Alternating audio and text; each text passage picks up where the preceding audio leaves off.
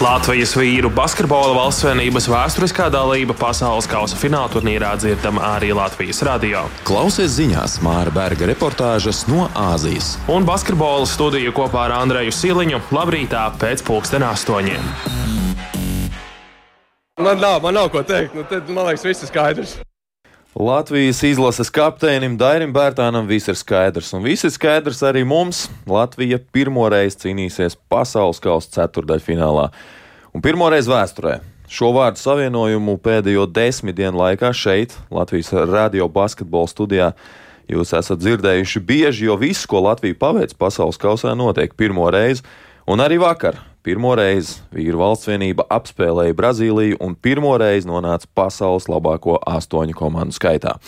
Kā tas notika, par to Latvijas radio basketbola studijā.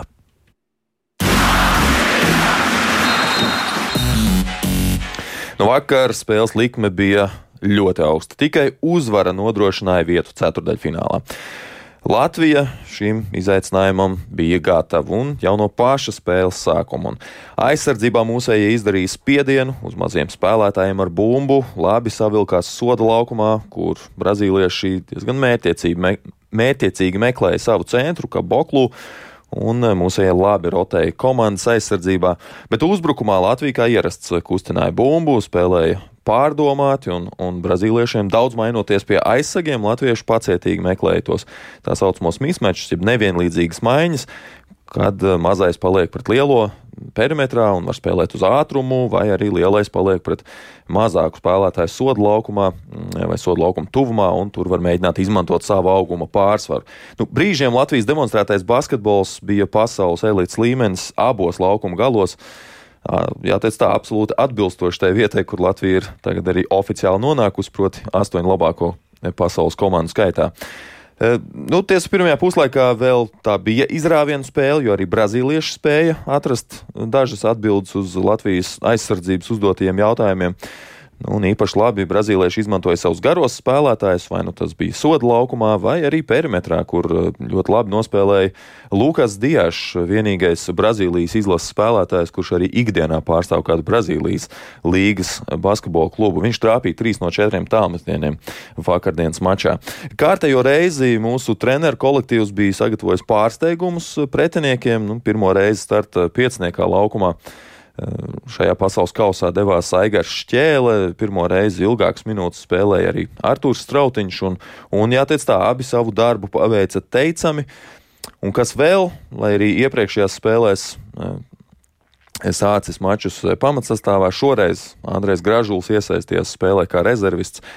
Toties kā iesaistījās par viņa darbību aizsardzībā, komentāru nav nemaz, bet pateicoties viņa tādam kustīgajam un, un nesautīgajam Latvijas uzbrukumam, koknesis, kā viņu e, dēvē Latvijas basketbolā, bieži bija arī mūsu uzbrukuma noslēdzējs, un, un ar šiem pienākumiem tika galā lieliski.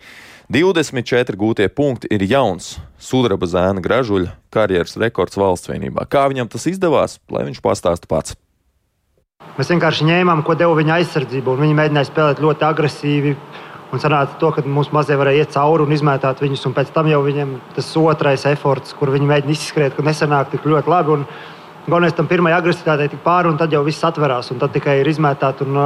Šodien es biju tajā galā, kad uh, varēju pabeigt, un atlika tikai iemest no groza apakšas daudzreiz. Tā kā dzīve bija vienkār, ļoti vienkārša šodien. Dzīve bija vienkārši Andrejam Gražulim, tā vismaz viņš pats par vakardienas spēli. Nu, Brazīliešiem tā nebija tik vienkārša. Pēc spēles sākuma, kas Brazīliešiem nepadavās tāds, kā bija cerēts, viņi diezgan ātri ķērās pie zonas aizsardzības, un arī pret to Latviju turpināja pacietīgi un kvalitatīvi spēlēt. Un tieši Gražulis atkal bija viens no X faktoriem, jeb viena no atslēgas figūrām šādā uzbrukumā. Viņš ne tikai guva punktus, bet arī ar piespēlēm no soda līnijas atrada savus kolēģus, partnerus metienu pozīcijās. Un, un tas ļāva Andriem sakrāt arī piecas rezultatīvas piespēles, kas viņa pozīcijas spēlētājiem ir ļoti augstvērtīgs rādītājs. Nu, otrā puslaika sākumā brazīlieši pirmo reizi kopš paša spēles sākuma uz mirklīti izvirzījās vadībā, taču kāda bija Latvijas atbilde? Artūra Žagara solo izrāde beidzās ar 11 viņa gūtiem punktiem pēc kārtas. Viņš izmantoja Brazīlijas maiņas aizsardzībā un agresīvi uzbruka pie visām iespējām. Un kā viņam tas sanāca, to mēs klausāmies no paša Artūra. nu, es ļauju, vismaz mēģinu ļaut spēlē nākt pie manis pašai. Nemēģinu tur forsēt kaut ko pa daudz, un es sajūtu, sajūtu garšu, un uh, sanāca rezultātīvs uh, pus, uh, periods. Vēlāk sekoja arī Dāvija Bērtāna trejacis, Zoriks trāpīja trīnieku ar sodu un Latvijas sešu minūšu laikā sameta 26 punktus, bet visā trešajā ceturdaļā 36 punktus, un, un Brazīlija bija nolikta uz lāpstiņām tajā brīdī. Nu, tad jau noslēdzošajā desmit minūtē Brazīlija no šī knockdown vairs neatguvās. Latvija tika arī līdz simtam un pāri simtam, nu, un maču noslēdz ar precīzi 20 punktu pārsvaru 104 pret 84. Šis bija teju nevainojams basketbols Latvijas izpildījumā, demonstrējot tādu jauno Latvijas vīru valstsvienības identitāti pilnā tās spožumā. Mēs sākām būvēt eh, spēli no aizsardzības, un tad uzbrukumā spēlējām gudri, pacietīgi, iesaistījām visus laukumā esošos spēlētājus. Šis bija ne tikai produktīvs, bet tiešām arī ļoti skaists basketbols, un tādu kā tādu delikatesi noteikti var nobaudīt arī grozbumbas eh, spēles gurmāni. Un klāt šajā brīnišķīgajā Latvijas basketbola vēstures notikumā bija arī Latvijas radio sporta korespondents Māris Bergs, un tieši ar viņu jau pēc mirklīša sarunāsimies basketbola studijas turpinājumā.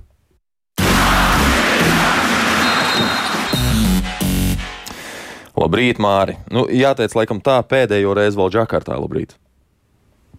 Labrīt, Andrej! Labrīt, klausītāji! Jā, šī tik tiešām ir pēdējā reize no Džakartas. Jā. Apsveicu arī tevi ar klātesamību tik nozīmīgā notikumā Latvijas sportam un, un iespēju arī baudīt tik augstas raudzes basketbolu Latvijas izlases izpildījumā. Kas, tavuprāt, ir tās kvalitātes, kas raksturo Latvijas demonstrēto sniegumu vakardienas spēlē pret Brazīliju? Jā, nu, tā kā tu, Andrej, jau iepriekš daudz stāstīji, pirmkārt jau ļoti augsta izpildījuma kvalitāte. Tā ir viena lieta, kas raksturo Latvijas izlasi visā šajā turnīrā. Ne tikai šajā spēlē, bet runājot par vakardienas spēli pret Brazīliju, tad pirmkārt varam runāt gan par efektīvu basketbolu, par skaistām darbībām laukumā, un arī par efektīvu basketbolu. Jo, piemēram, paskatoties statistikas ailītēs, 24 rezultatīvas piespēles, tikai 6 kļūdas. Tas nozīmē, ka mūsējie ir prātīgi darbojušies ar bumbu, un to vienkārši nav par baltu vēl tā devuši pretiniekiem, pieļaujot kādas kļūdas. Tas pats attiecas arī uz metienu precizitāti. 57% no spēles tā ir izcila precizitāte. 16 trāpīti trīspunktnieki, tur arī 16 no 33. Manuprāt, arī gandrīz 50% no trīspunktu līnijas tas ir izcili. Nu, un jā, kā tu stāstīji, Andrēs Gražulis šajā mačā iesaistās no rezervistu soliņa un samet 24 punktus pretiniekiem. Tāpēc ļoti augsta kvalitāte ir tas, kas raksturo Latvijas spēle un tieši kvalitāte izpildījumā. Tas ir pats galvenais, ko, ko ir prieks tiešām vērot. Nu jā, kvalitāte apvienojumā arī ar tādu pašaizliedzīgu cīņu un, un, un nu, teiksim, tā ceļu negriešanu. Pretiniekam tas droši vien ir bijis visa turnīra uh, Latvijas snieguma raksturojums. Jā, pilnīgi noteikti. Pilnīgi noteikti. Nav mūsu spēlētāji, varbūt paši lielākie, atletiskākie, fiziski spēcīgākie, taču ceļu nevienam negriezīs un ir gatavi stāties pretī arī lieliem, spēcīgiem vīriem un viņus piebremzēt. To mēs esam redzējuši visu turnīru gaitā pret Spāniju, pret Franciju, arī vakar pret Brazīliju. Pretiniekam tomēr bija auguma pārsvars. Jā, nu tieši tā es gribēju teikt, ka brazīliešiem arī ir pietiekami lieli vīri, īpaši grozstūmā un patiesībā ne tikai arī perimetrā. Un, eh, un brazīlieši pamēģināja daudz tādas dažādas aizsardzības sistēmas eh, spēles laikā. Gan cilvēks cilvēku sēdz, gan zonu, gan presings vienu brīdi pat bija. Palika iespējas, ka viņus ir paņēmis tāds eh, pārņēmis tāds neliels izmisums. Viņi tur mēģināja meklēt tos, tos veidus, kā lauzt spēles gaitu. Kā tas izskatījās uz vietas arēnā, ko, ko šāds basketbols Latvijas izpildījumā izdara ar, ar pretiniekiem? Nu, tieši tā tas arī izskatījās, ka tas izrāviens, kas tika veikts trešajā ceturdaļā, tās pretiniekus iedzina tādā knockdownā, no kur viņi nekādi nespēja atgūties. Kā jau tu saki, dažādas aizsardzības tika lietotas tā pati zona. Izskatījās brīžiem pat mazliet bērnišķīgi, kā Brazīļi tur darbojas zonā un cik viegli Latvija tiek ar to galā. Un, uh, Jā, nu Latvijas, Latvija tiešām sagrāva Brazīliju. Tur trešās ceturtdaļas beigās Brazīlija sejās tieši tajā brīdī. Brazīlijas soliņš bija tuvāk mediju vietām, tur varēja redzēt eh, viņu sejas izteiksmē, viss nolasījās. Viņi vienkārši nesaprata vairs, ko iesākt tajā brīdī. Jā, un tad arī izskatījās, ka tur eh, vismaz TV ekrānos izskatījās, ka arī brazīliešu garais spēlētājs Kaboklu tur meklē kaut kādu kašķiru mūsu garajiem spēlētājiem, bet bija tāda zīmīga epizode, kur Rolands Šmits paprasīja bumbu, lai nospēlētu tieši pret Kaboklu. Viņam šķiet arī četras piezīmes tajā brīdī bija. Un, un tad, kad viņš viņu apspēlēja, iemet no groza apakšas, tad skrē, skrienot atpakaļ, Rolands bija, eh, sejā bija tāds eh, smīns nu, apmēram ar, ar tādu vēstījumu, ka ko tu mēģini tagad me meklēt kašķi. Vienkārši pieņem un samierinies ar šo notikušo. Mm. Klau pēcspēles. Jā, nu, bra, bra, jā, nu, Brazīlija ir, protams, emocionāli, emocionāli cilvēki. Varbūt tur kaut ko, kaut ko pateica, kaut ko pagrūstījās, bet nu, trakākais, kas bija aizcirstas durvis ģērbtuvē vai arī uzšāva kaut kur pa baneri ar dūri. Tā kā nekas, nekas vairāk arī tur neizvērtās beig beigās. Jā, Katrā par... ziņā mūsai arī bija gatavi negriezt ceļu. Ja kaut kas būtu, mūsai arī nav ar pliku roku ņemami. Eh, pēc eh, spēles, par pēcspēles notikušo noteikti gribu paprasīt tev arī par preses konferences. Tās noslēgumā mūsu treneris Luka Bakī saņēma aplausus no zāles, nu, vietā, kur, protams, atrodas pārsvarā mēdī. Tas nav pārāk bieži. Vai tas nozīmē, ka Latvija ir atstājusi arī tādu paliekošu zīmogu džakartiešu sirdīs? Tā zāle, kur notiek preses konferences šeit, Džakartā, patiesībā ir ļoti liela, viena no lielākajām, kādā es vispār esmu bijis. Un, jāsaka tā, ka aplausi, protams, nāk no Latvijas medijiem. Indonēzieši nemaz tik daudz nav. Viņi ir daudz, bet ne tik ļoti. Bet, uh, tas, ka Latvija ir atstājusi savas pēdas eh, šeit, Džakartā, tas ir viennozīmīgi. Ne tik daudz preses konferences telpā, cik tas ir redzams vienkārši pilsētas ielās, tepat apkārt arēnai, jo vietējie iedzīvotāji ir iegādājušies fanu atribūtiku ar Latvijas uzrakstiem, krāsām un tā tālāk.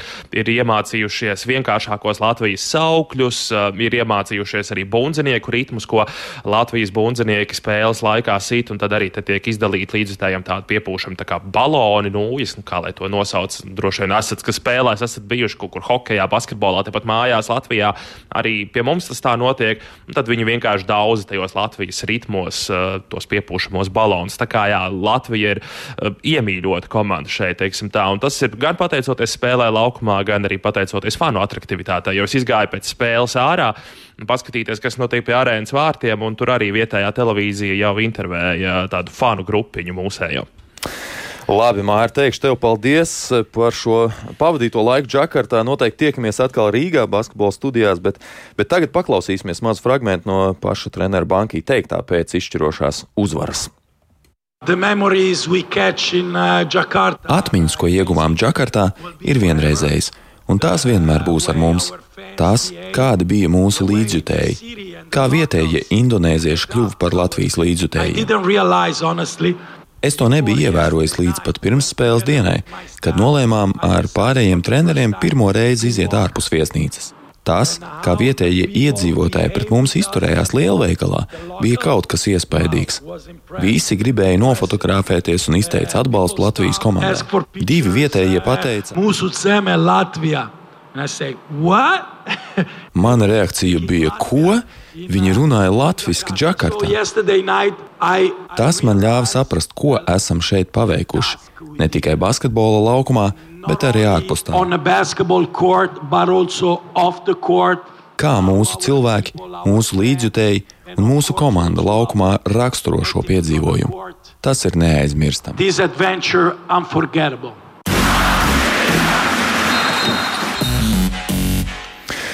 Ceturtajā finālā Latvijai būs jāspēlē pret Vāciju. Šim pretiniekam un gaidāmajam duelim vairāk pievērsīsimies nākamajās dienās, bet Latvijas valsts vienības iekļūšana ceturtajā finālā nozīmē to, ka arī Latvijas radio basketbola studija turpināsies vēl nedēļu. Tieši tik ilgi, cik norisināsies pasaules kausa. Šoreiz saku jums paldies, un tā tiekamies rīt no rīta. Latvijas vīru basketbola valstsvienības vēsturiskā dalība pasaules kausa fināla turnīrā dzirdama arī Latvijas radio. Klausies ziņās Māra Berga reportāžas no Āzijas. Un basketbola studiju kopā ar Andreju Siliņu labrītā pēc pulksten astoņiem.